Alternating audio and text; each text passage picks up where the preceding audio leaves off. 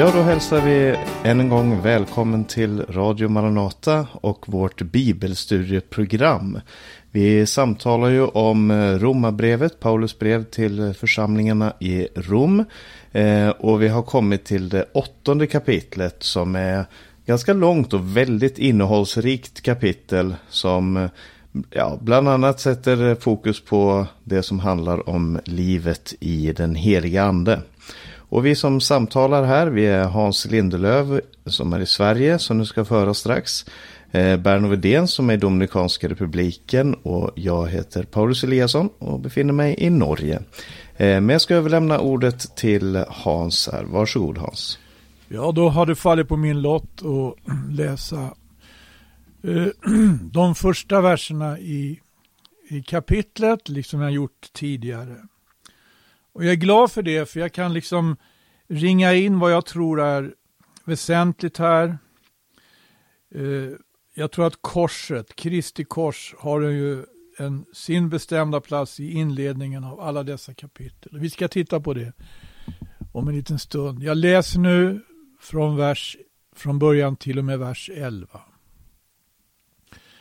Aposteln skriver så finns nu ingen fördömelse för dem som är i Kristus Jesus. Ty livets andes lag har i Kristus Jesus gjort mig fri ifrån syndens och dödens lag. Ty det som lagen icke kunde åstadkomma i det den var försvagad genom köttet, det gjorde Gud då han för att bortta synden sände sin son i syndigt kötts gestalt och fördömde synden i köttet. Så skulle lagens krav uppfyllas i oss som vandrar icke efter köttet utan efter anden. Ty det som är kötsliga, det har sitt sinne vänt till vad köttet tillhör. Men det som är andliga, det har sitt sinne vänt till vad anden tillhör. Och köttets sinne är död, medan andens sinne är liv och frid. Köttets sinne är nämligen fiendskap mot Gud, eftersom det icke är Guds lag underdånigt, ej heller kan vara det. Men det som är i ett kötsligt väsen, det kan icke behaga Gud. Ni åter är icke i ett kötsligt väsen, utan i ett andligt, om eljest Guds ande bor i er. Men den som icke har Kristi ande, han hör icke honom till. Om nu Kristus är i er, så är väl kroppen hemfallen åt döden för syndens skull, men anden är liv för rättfärdighetens skull. Och om dens ande som uppväckte Jesus från de döda bor i er, så skall han som uppväckte Kristus Jesus från de döda göra också era dödliga kroppar levande genom sin ande som bor i er. Det var den biten här. Och den börjar ju på ett helt underbart sätt. Så underbart så det går inte riktigt att fatta. Så finns nu ingen fördömelse för dem som är i Kristus Jesus. Han har gått igenom anledningen till det här tidigare. Men om jag får göra, jag, jag, för att göra den här eh, genomgången riktigt, eh, så jag måste göra faktiskt lite, eh, lite hoppa in i, i, i, alla fall ett par senare verser, för jag tror att eh, det hör till för att kunna förklara eh, vad den här inledningen egentligen går ut på. Han bygger faktiskt upp någonting här. Och han fortsätter i andra versen och skriver att livets andes lag har i Kristus Jesus gjort mig fri ifrån syndens och dödens lag. När han har undervisat om lagen och kampen som människan har, den troende människan, för att komma till rätta med lagen i det tidigare kapitlet, så får vi här nu presenterat för oss vad försoningsverket har åstadkommit. Det handlar om att det har gjorts en åtskillnad mellan livets andes lag och syndens och dödens lag. Att han kallar eh, Mose lag för syndens och dödens lag. Den lag som faktiskt Gud har givit. Det är ju ganska så ofattbart.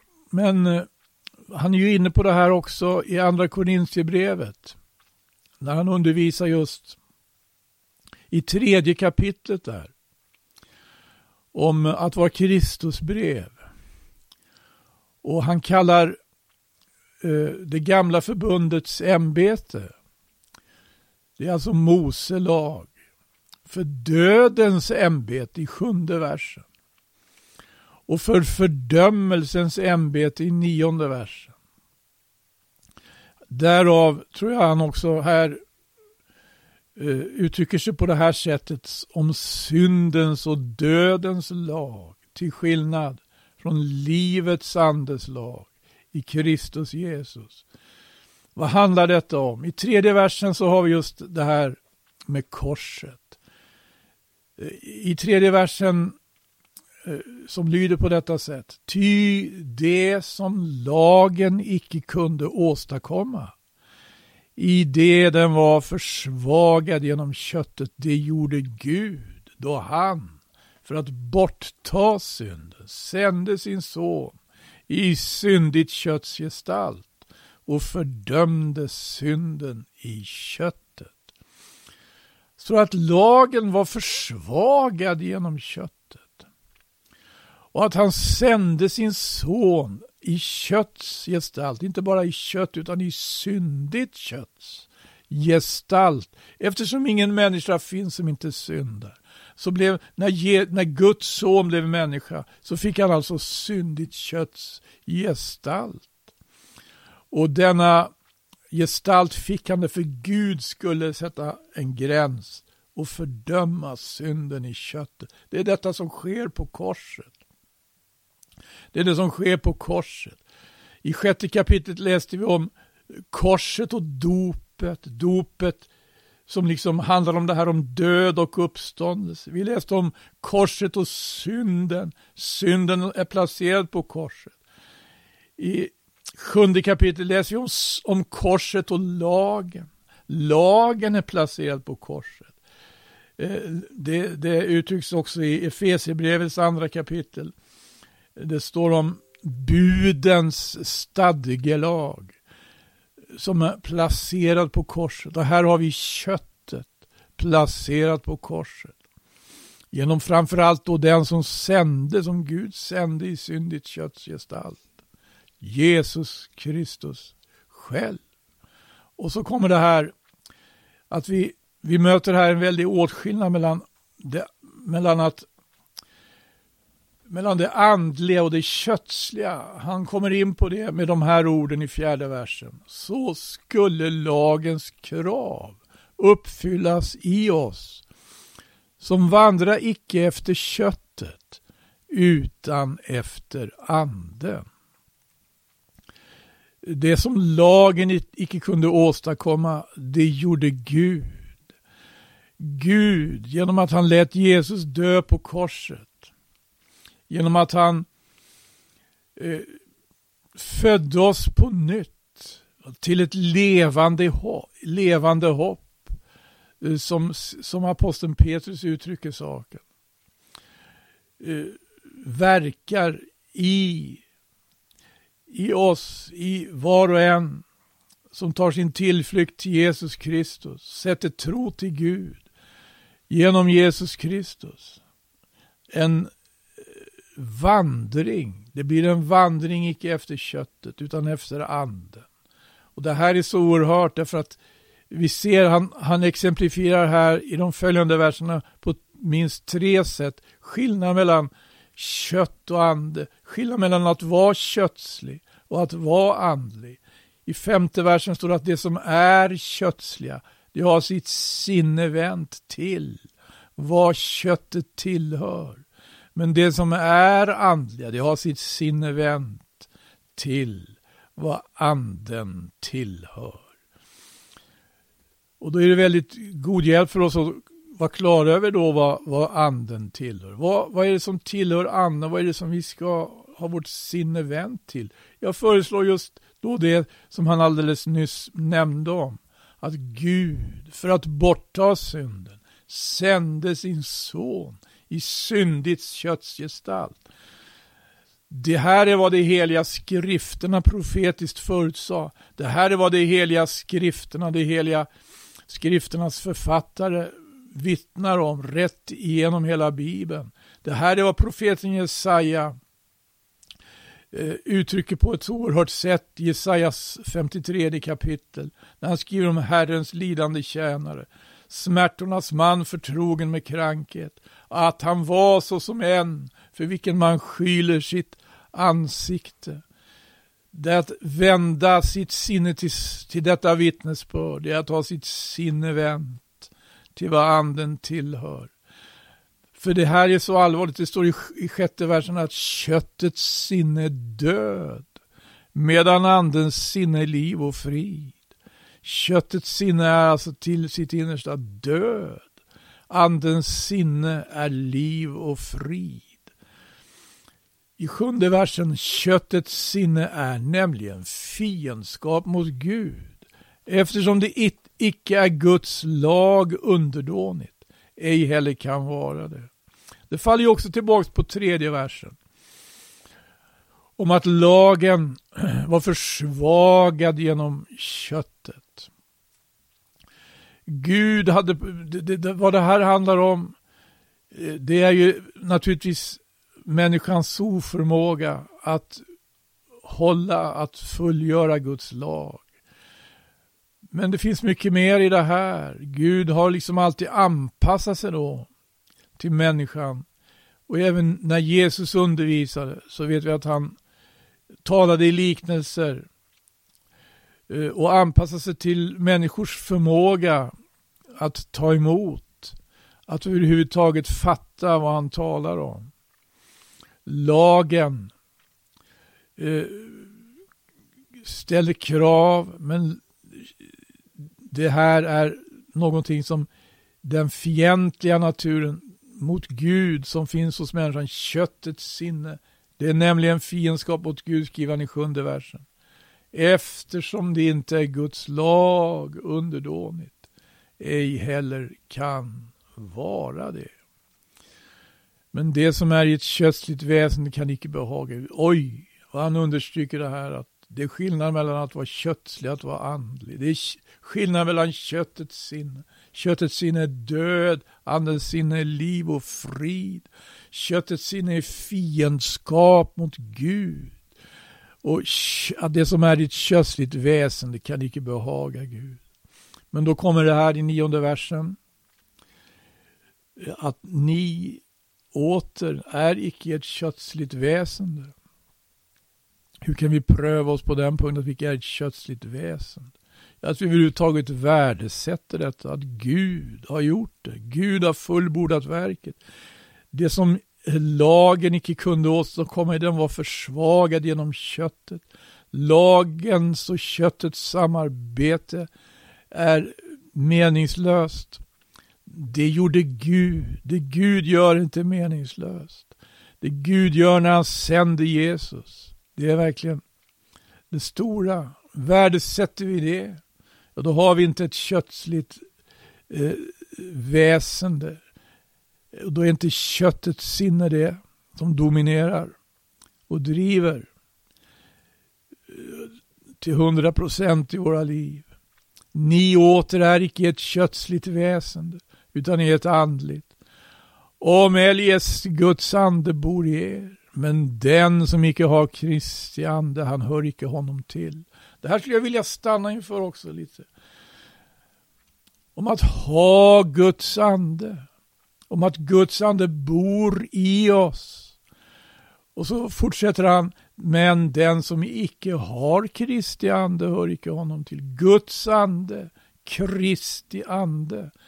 Det här är faktiskt eh, vad som än är nyckel till hur vi får hur vi får Guds ande, hur Guds ande kommer till oss.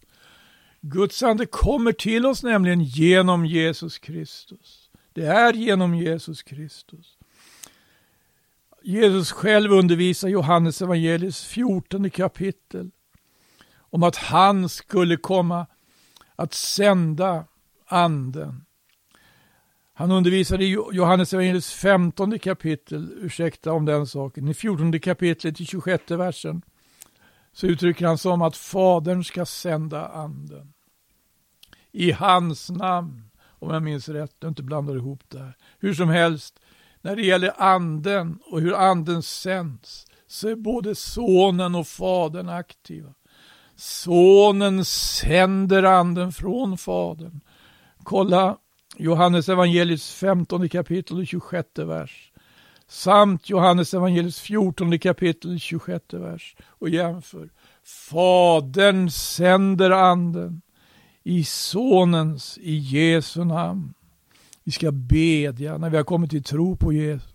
Ska vi bedja om Guds ande. När aposteln Petrus predikar på pingstdagen enligt Apostlagärningarnas andra kapitel så uttrycker han sig på det sättet att när folket blir förundrat och eh, vad är det här för någonting utbrister man. Ja, han knyter an till det och han säger som så, mitt under att han predikar om Jesu död och uppståndelse. Eh, så säger han ju i 32 versen i andra kapitlet Apostlagärningarna. Denne Jesus har nu Gud låtit uppstå. Därom kan vi alla vittna. Och sedan han genom Guds högra hand har blivit upphöjd och av Fadern undfått den utlovade helige Ande har han utgjutit vad ni här ser och hör. Anden kommer till oss genom Jesus Kristus. När vi hör budskapet. De som förkunnade budskapet.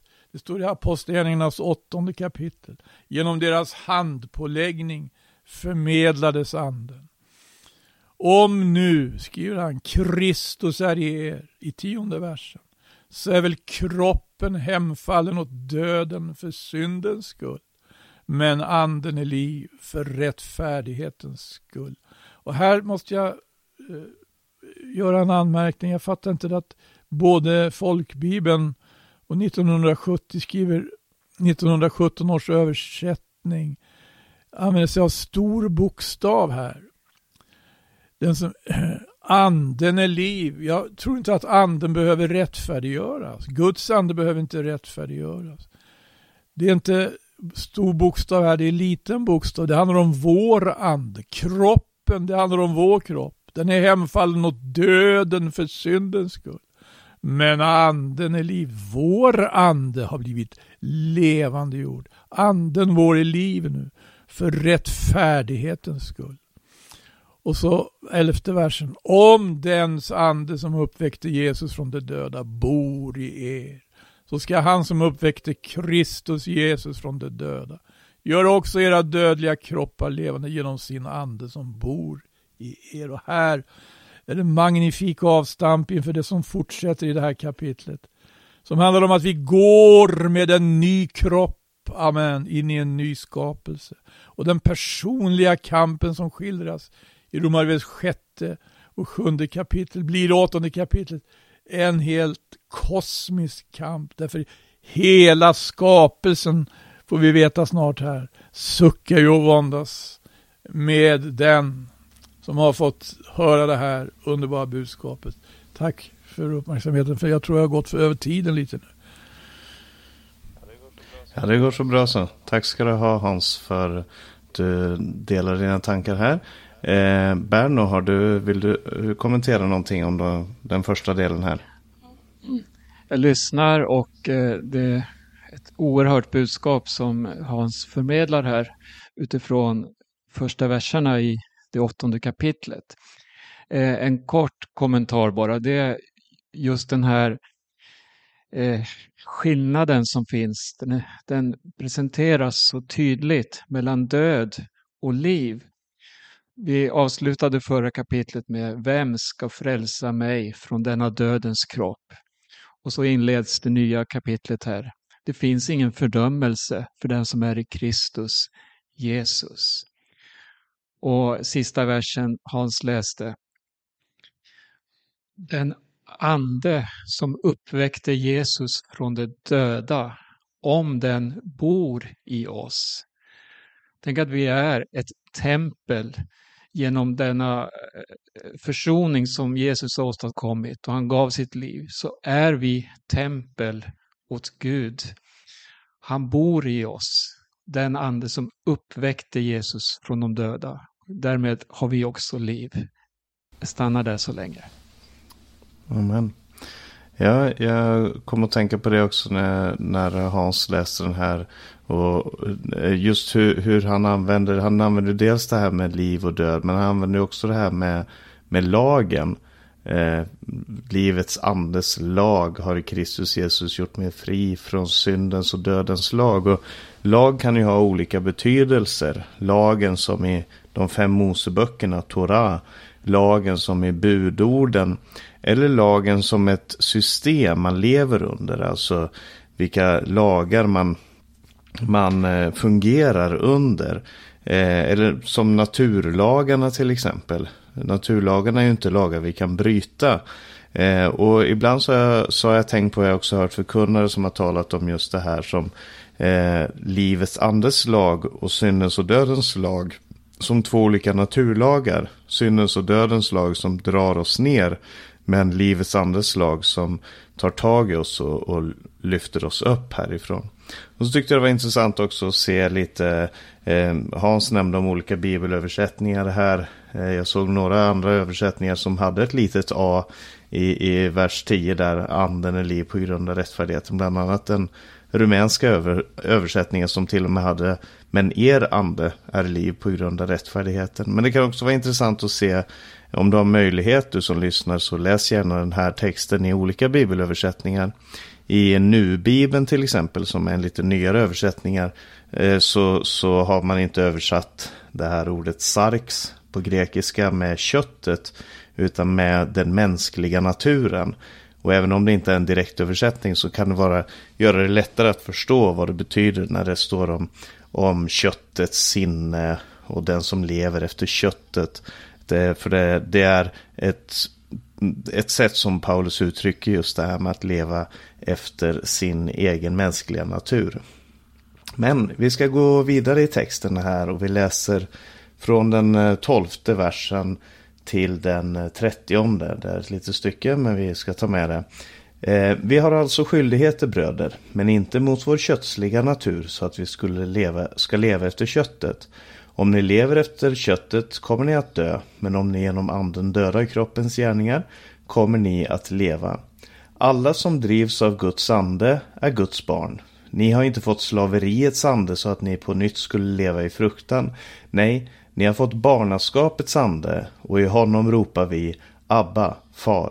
Anden själv vittnar med vår ande att vi är Guds barn. Och, att vi är, och är vi barn så är vi också arvingar, Guds arvingar och Kristi medarvingar, lika visst som vi lider med honom för att också förhärligas med honom. Jag menar att den här tidens lidande inte kan jämföras med den härlighet som ska uppenbaras och bli vår. Själva skapelsen väntar och längtar efter att Guds barn ska uppenbaras. Skapelsen har ju blivit lagd under förgängelsen, inte av egen vilja utan genom honom som lade den därunder.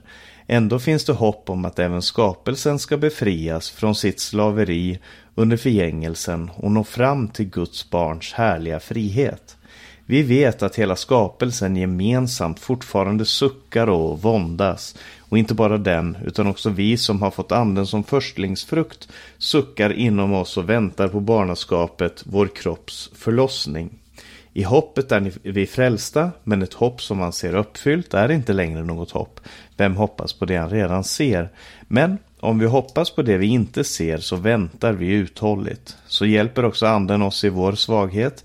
Vi vet inte vad vi borde be om, men anden själv vädjar för oss med suckar utan ord. Och han som utforskar hjärtan vet vad anden menar, eftersom anden vädjar för de heliga så som Gud vill. Vi vet att allt samverkar till det bästa för de som älskar Gud, som är kallade efter hans beslut. De som han i förväg har känt som sina har han också förutbestämt till att formas efter hans sons bild, så att sonen blir den förstfödde bland många bröder. Och de som han har förutbestämt har han också kallat, och de som han har kallat har han också förklarat rättfärdiga, och de som han har förklarat rättfärdiga har han också förhärligat. Amen. Eh, och den här texten då börjar med att säga vi har skyldigheter men inte mot vår kötsliga natur. Eller vår mänskliga natur då. Eh, och man tänker ju lätt att lagen, alltså Guds lag, det handlar om skyldigheter som vi har. Eh, att följa lagen, att för, liksom det handlar om att, att eh, följa vissa skyldigheter. Och, och, man kan uttrycka det så, men eh, man kan inte sätta upp det mot det här att när vi följer våra lustar så gör vi det vi själva vill. För att det han säger här är att vi har inte skyldigheter mot vår mänskliga natur eller vår kötsliga natur. För verkligheten är den att livet efter den mänskliga naturen, det är ett slaveri. Eh, och, och, frågan är vem man har som herre. Om man har synden som herre, om man har sitt eget kött som herre, eh, om man har lagen som herre eller om man har anden som herre. Och det fortsätter med i vers 13 och säger om ni lever efter köttet kommer ni att dö. Eh, det är det som Gud talade om ifrån begynnelsen när han talade om synden. Eh, då representerad genom det här trädet som stod mitt i Edens lustgård. Och Gud sa till Adam och Eva att om ni äter av det trädet så ska ni dö. Den dagen ni äter av det så ska ni dö. Eh, men så säger han, om ni lever efter köttet kommer ni dö, men om ni genom anden dödar kroppens gärningar så kommer ni att leva. Och just det här att döda kroppens gärningar genom anden, det kallas i Bibeln för just helgelse. Och många tror ju att det här är farligt och i vår kultur så, så behandlas det som att det skulle vara det farligaste som finns att, eh, att eh, med självbehärskning och självkontroll och att genom anden kämpa emot det som kroppen vill. Men samtidigt så beundrar vi självkontroll på alla andra områden när det gäller folk som lägger ting till sidan för sitt arbete, för sin familj, för sin eh, Eh, karriär, för, för eh, att uppnå sport, eh, alltså bli elitidrottsmän och så vidare. Så säger man tänk så fantastiskt vad de har försakat, vad de har lagt till sidan, som de har tränat, som de hållit på för att uppnå det de vill. Och, och, men, men Bibeln säger inte att vi ska ta oss själva i kragen och, och försöka bli bättre människor, utan den säger att vi genom anden döda kroppens gärningar. Och så förklaras det i vers 14, alla som drivs av Guds ande. Det handlar alltså om drivkraften i livet. De som drivs av Guds ande, det, de är Guds barn. Och så börjar han tala om vad det betyder att vara ett Guds barn. Och det första är att man drivs av anden. Det betyder inte att man är felfri, att alla som har Guds ande kommer göra alla saker rätt hela tiden. Men det betyder att man har en längtan, att, man har en, att det finns en drivkraft. Alltså man kan gott köra fel om man sitter i en bil eh, som, som eh, har diesel eller bensin. Men, men du har i alla fall en drivkraft. Och det är det som den heliga ande är eh, en drivkraft i livet, en möjlighet att göra det som är gott inför Gud. Och så säger han, ni har inte fått slaveriets ande så ni på nytt skulle leva i fruktan. Eh, nej, ni har fått barnaskapets ande och i honom, alltså i anden, så ropar vi Abba, far. Och Abba, det är eh, arameiska och hebreiska och betyder just far. Så han eh, använder en, det är en slags tautologi här, han använder samma ord på, först på eh, hebreiska och så på grekiska. Abba far. Och, och barnaskapet det, det är någonting som vi har fått uppleva. Vi har fått barnaskapets ande.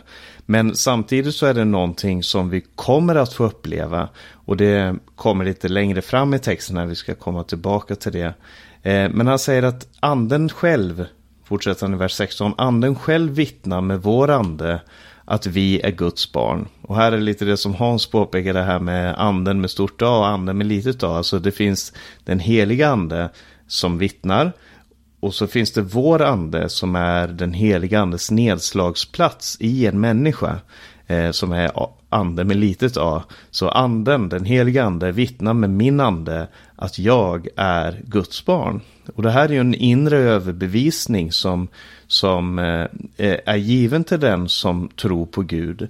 Det är någonting som inte kan bevisas, någonting som man inte kan demonstrera för andra utan, utom det att man kan vittna om det. Man kan säga jag har, bär den här inre överbevisningen om att jag är Guds barn.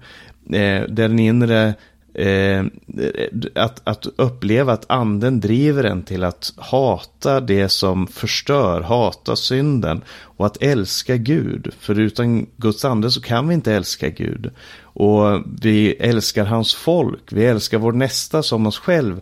Allt det där som, som är gott i, i eh, allt det vi gör som behagar Gud, det är, säger, säger Paulus, det är andens verk. Vi och han vittnar med oss att vi är Guds barn. Och är vi barn, då är vi arvingar, Guds arvingar och Kristi medarvingar. Lika visst som vi lider med honom för att också förhärligas med honom. Och det här att bli ett Guds barn, det betyder inte att man blir befriad ifrån lidande, utan det finns ett lidande även för Guds barn. Men vi har se fram emot någonting annat, nämligen att förhärligas med honom. Han säger, jag menar att den här tidens lidande inte kan jämföras med den härligheten som ska uppenbaras och bli vår. Och det här är en överbevisning som han har fått genom den helige ande. Hur, hur kan han veta det här? Jo, det är någonting som det inre vittnesbördet i honom har gett honom. Eh, en överbevisning om att det ska komma någonting annat, någonting nytt. Eh, som det fin- och därför så finns det ingenting som den här världen kan erbjuda eh, som lockar mig längre. Och det finns heller ingenting som den kan hota med som skrämmer mig längre. För ingenting kan mätas mot den härlighet som ska uppenbaras. Och eh, så säger han, för själva skapelsen väntar och längtar efter att Guds barn ska uppenbaras. Så här kommer in ett nytt perspektiv som handlar om skapelsen, som har samma längtan som Guds barn. Eh, det ska komma en dag då, det, då vi ska som människor ska få den funktion som Gud tänkte om oss från begynnelsen. Att vi skulle ta hand om jorden, att vi skulle vårda den, att himmel och jord skulle mötas. Och vi väntar en ny himmel och en ny jord med rättfärdighet där vi ska få bli lika honom. Vi ska bli mer formade efter hans bild. Det är just det som barnaskapet handlar om. Och så säger han, skapelsen har ju blivit lagd under förgängelsen, inte av egen vilja, utan genom honom som lade den där under. Ändå finns det hopp om att även skapelsen ska befrias från sitt slaveri under förgängelsen och nå fram till Guds barns härliga frihet. Och den här versen för fram ett perspektiv som vi kanske inte tänker på så ofta för att vi talar kanske för ofta om att, eller vi kanske sätter mer fokus på det här att skapelsen ska förvandlas, att det ska förgöras det som hör till den här världen och så ska det komma någonting nytt. Men skapelsen ska precis som oss framförallt in i friheten, in i förvandlingen, in i Guds barns härliga frihet. Och så säger han att hela skapelsen suckar suckar och våndas och att vi också som har anden suckar och väntar på barnaskapet. Alltså det finns en, en glädje i tron på Gud men det finns också en, en suck och en vånda. För att, för att vi längtar efter någonting som inte den här världen kan erbjuda. Han säger i hoppet är vi frälsta, men ett hopp som man ser uppfyllt är inte längre något hopp. Eh, och, och, så säger han, vem hoppas på det han redan ser? Och här använder han det här uttrycket att vi är frälsta i hoppet. För att Frälsningen har tre stadier. Man kan ju säga jag blev frälst. Den och den dagen så upplevde jag Guds nåd till frälsning. Det är det som har skett i oss när vi blev pånyttfödda. Och så kan jag säga jag är frälst därför att det är någonting som när anden har flyttat in så, så har vi fått uppleva den här frälsningen. Och så finns det också någonting som vi ser fram emot. Gud ska frälsa mig. Det är det hoppet om frälsning. Och så säger han att så hjälper också anden oss i vår svaghet för att vi vet inte vad vi borde be om. Men anden själv vädjar för oss med suckar utan ord. Ja, för vi vet inte ens vad vi ska be om själva. Men om anden får bestämma så är det samma bön som kommer ifrån oss som den som kommer ifrån skapelsen. Nämligen suckar och en, och en vädjan. Och därför så finns det en harmonisk klagosång ifrån anden, skapelsen och från den troende.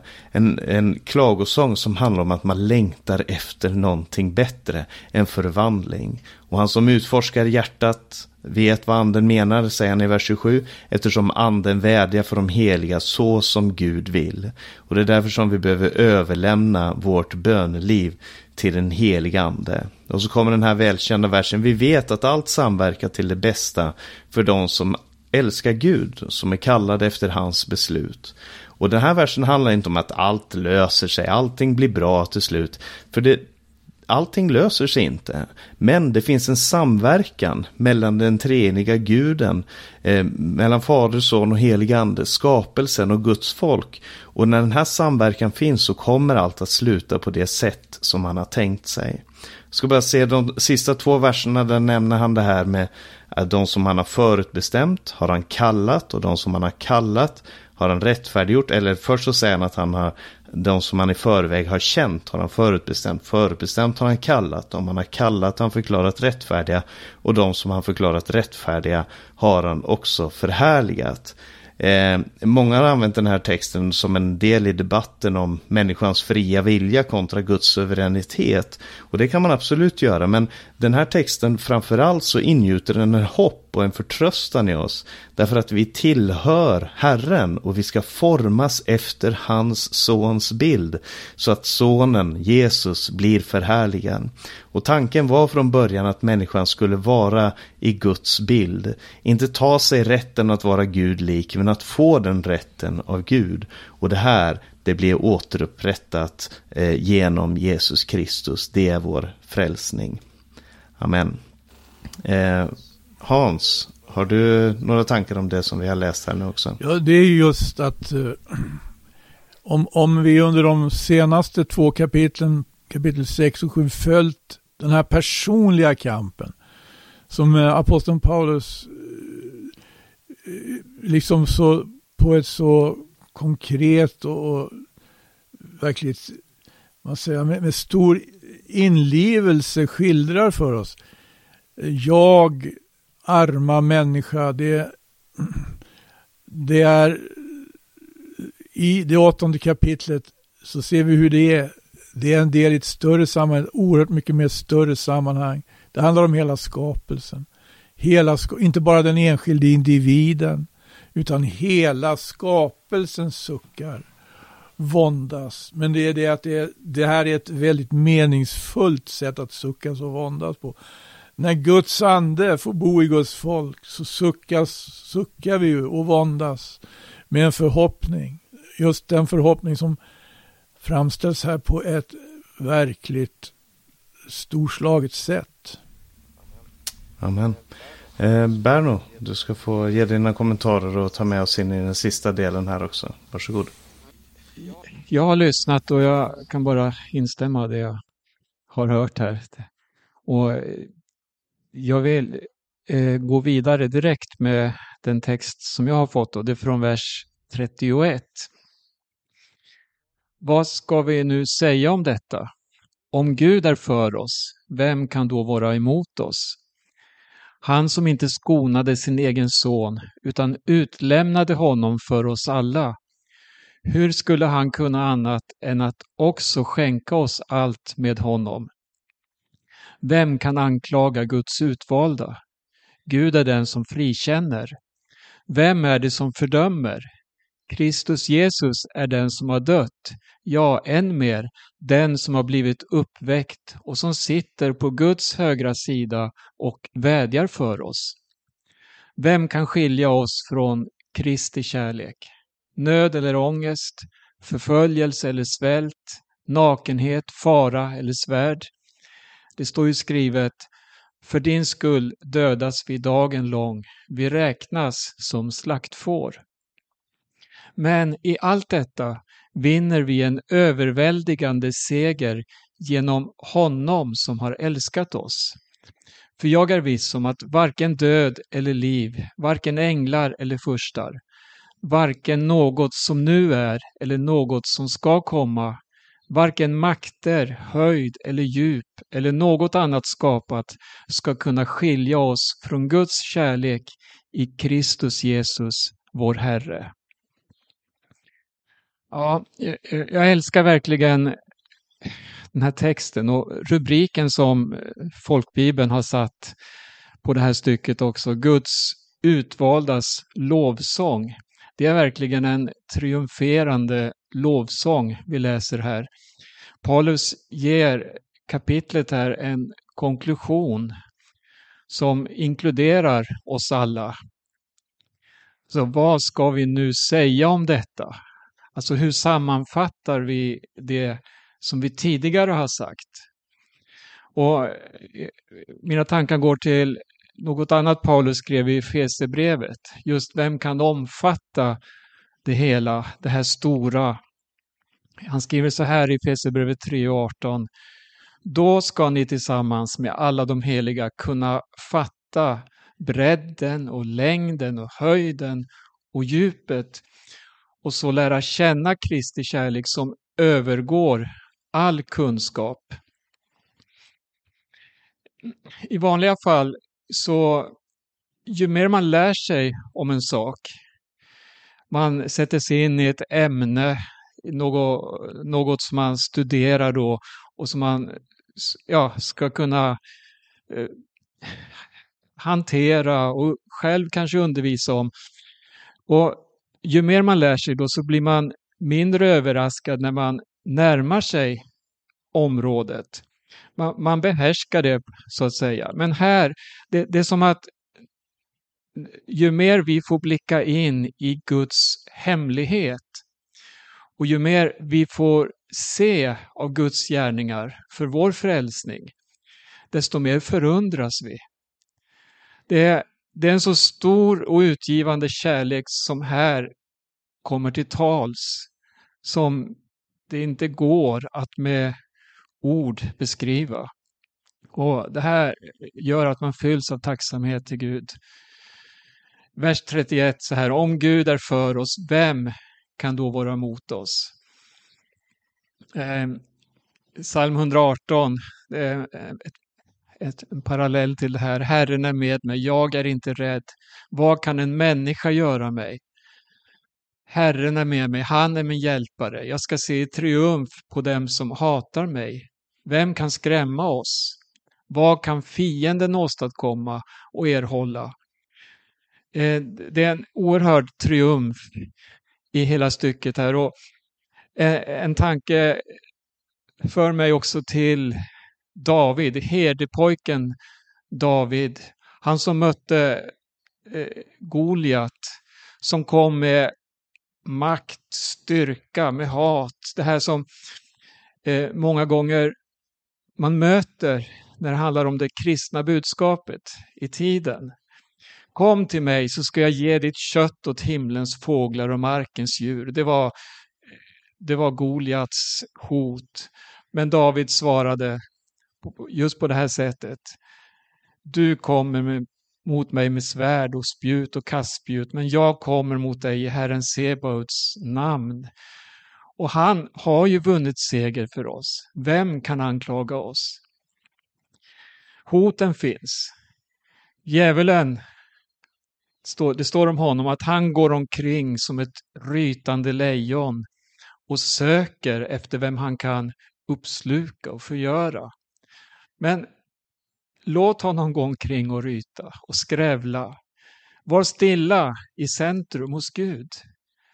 Vårda det ingen, vare sig mänsklig eller ondskas makt kan ta ifrån dig. Det här gudslivet. För Jesus har vunnit seger. Det står i vers 32. Han som inte skonade sin egen son utan utlämnade honom för oss alla. Hur skulle han kunna annat än att också skänka oss allt med honom?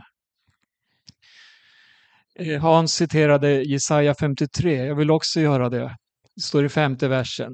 Han blev genomborrad för våra brott, slagen för våra synder. Straffet blev lagt på honom för att vi skulle få frid och genom hans sår är vi helade. En reflektion till det här det är Gud skonade oss när vi fortfarande var Guds ovänner. Men han skonade inte sin egen älskade son. Och eh, det, jag finner inte ord, som sagt, för att uttrycka den här tacksamheten man känner till Gud över frälsningen som han har gett till mänskligheten. Det är en så oerhört utgivande kärlek vi möter i detta.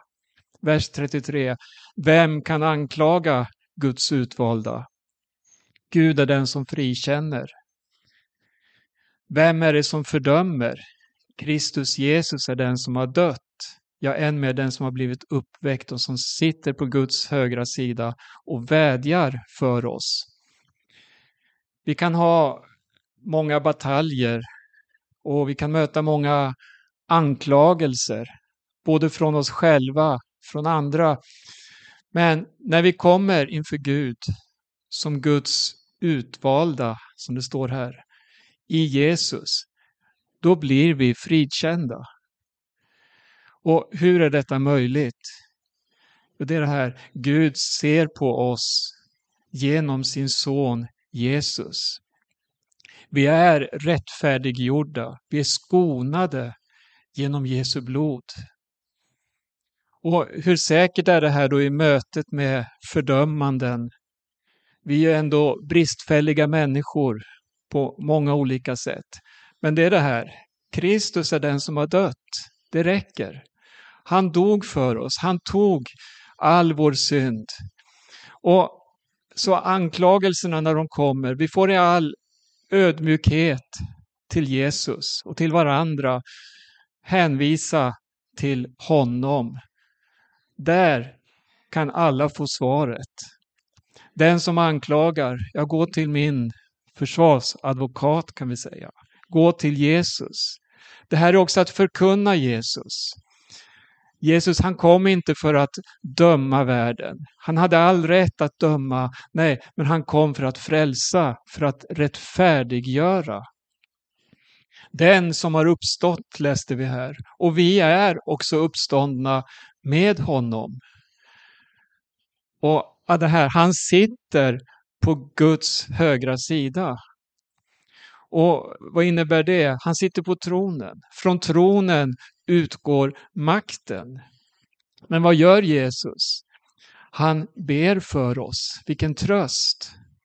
Han som var Guds offerlamm har gått till konungslig makt och han glömmer oss inte.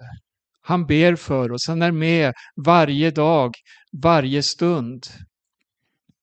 Alltså en konklusion eh, på det här stycket då. Ingen kan döma oss när vi har en sådan vän på den himmelska tronen. Och sen vers 35. Vem kan skilja oss från Kristi kärlek? Och här ser vi, det är Kristi kärlek. Det handlar inte om vår kärlek till honom, den som kan vara svag, fattig, bristfällig på olika sätt.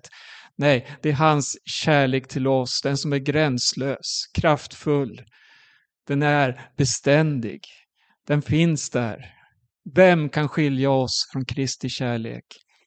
Sen ger Paulus exempel på svåra omständigheter.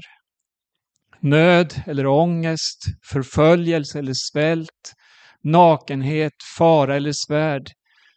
Det står ju skrivet, för din skull dödas vi dagen lång. Vi räknas som slaktfår. Och allt det här tillsammans ger oss en bild av ett enormt lidande. Det är ett citat också här från psalm 44. För din skull dödas vi dagen lång. Vi räknas som slaktfår.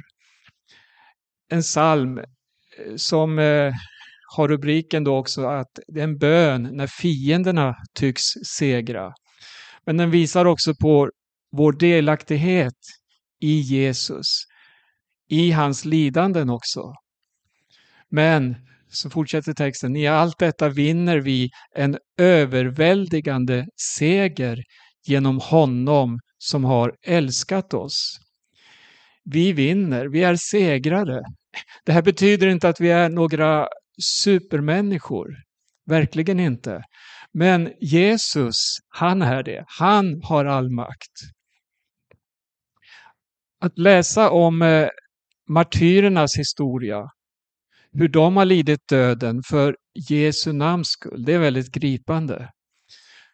På liknande sätt ser vi idag också hur evangelium bespottas. Kristna förföljs och förlöjligas. Men allt det här, det är ett utsäde som bär hundrafaldig frukt. Den som sår med tårar ska skörda med jubel. Eh, Paulus skriver så här i Andra Korinthierbrevet 1 och 5. Liksom Kristi lidanden flödar över oss, så överflödar också genom Kristus den tröst vi får.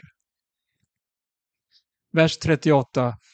Jag är viss om att varken död eller liv, varken änglar eller furstar, varken något som nu är eller något som ska komma, varken makter, höjd eller djup eller något annat skapat ska kunna skilja oss från Guds kärlek i Kristus Jesus, vår Herre. Återigen, ingenting kan skilja oss. Han, han säger det handlar inte om åsikter hit eller dit, utan här är det en förvissning som gäller. Jag är viss om. Och i texten här står det också eller något annat skapat. Och allt skapat, alltså det enda inte skapade här, det är ju Gud själv. Och det är han som har gjort allt det här. Det är han som är garanten för denna outgrundliga kärlek. En sak till innan jag slutar här. Det absolut enda som kan skilja oss från Gud, det är synden. Det läser vi rakt igenom hela Bibeln. Syndens gift, vad synden har åstadkommit. Men syndens makt, den har krossats genom Jesu Kristi försoningsverk på Golgata. Därför kan vi instämma i den här sången. Vi är alltså mer än segervinnare. Amen. Amen. Tack ska du ha Berno för de orden. Eh, Hans, har du någonting du vill tillägga här innan vi avslutar? Jag vill gärna bara eh, uppmärksamma det Berno sa när det gällde att studera sig till kunskap. När, vad vi än annars studerar för någonting, för att lära oss någonting, så blir vi mindre överraskade när vi möter det liksom i verkligheten. Då. Men i det här fallet, när vi läser Bibeln, när vi studerar Bibeln, ju mer vi läser, desto mer överraskade blir vi. När vi möter eh, verkligheten. Och var och en måste möta verkligheten. Jesus talar om det här att saltas med eld. Var människa måste saltas med eld. Eh, det står om att Gud inte skonade sin son. Det finns de eh, som tar med det här på det viset att skänka oss allt. Ja, men då skänker han oss kanske också någonting av den här skoningslösheten. Det var faktiskt någonting som aposteln Paulus bad om när vi talar om martyrerna i Filipperbrevets tredje kapitel och tionde vers. Ty jag vill lära känna honom och hans uppståndelses kraft och få känna delaktighet i hans lidanden. I det jag blir honom lik genom en död sådan som hans för att kunna nå fram till uppståndelsen från de döda. Amen. Ja, det är ett fantastiskt eh, kapitel som vi har läst och det är en eh, fantastisk avslutning i eh, det här som Berno har delat med oss här. Det handlar om det här, om Gud har gett oss dessa löften, vad kan då människor göra oss? Det finns ingen som kan anklaga, ingen som kan fördöma oss, ingen som kan skilja oss ifrån Kristi kärlek, varken människor eller några andliga makter. Och det här är verkligen, eh, även om det är ord som skrevs för 2000 år sedan så är det möjligt att applicera det här på våra liv idag. Eh, det handlar inte, det här texten har inte gett oss ett löfte om lycka och glädje i alla situationer. Men det har gett oss löfte om kärlek i den här tiden och en kommande härlighet. Och det är det som är det kristna hoppet. Och vi ska avsluta det här, här. För, det här kapitlet ja. är profetiskt. Och de, kapit de kapitel som vi kommer till nu, de är profetiska. Och det är, tror jag, någonting som vi måste förbereda oss på att verkligen, ja, vi omgjorda vårt sinnesländer för att gå vidare med Romarbrevet. 9, 10, 11. Det är profetiska kapitel. Ja, kapitel 9, 10 och 11 är ju då, handlar mycket om, om Israel och, och deras eskatologiska eh, situation. Och nästa gång ska vi tala om kapitel 9 som handlar om hur Gud har öppnat den här frälsningsvägen både för judar och hedningar. Men vi ska avsluta här. Jag tackar Berno Widén eh, Dominikanska republiken, Hans Lindelöf i Sverige och jag heter Paulus Eliasson och vi säger på återhörande.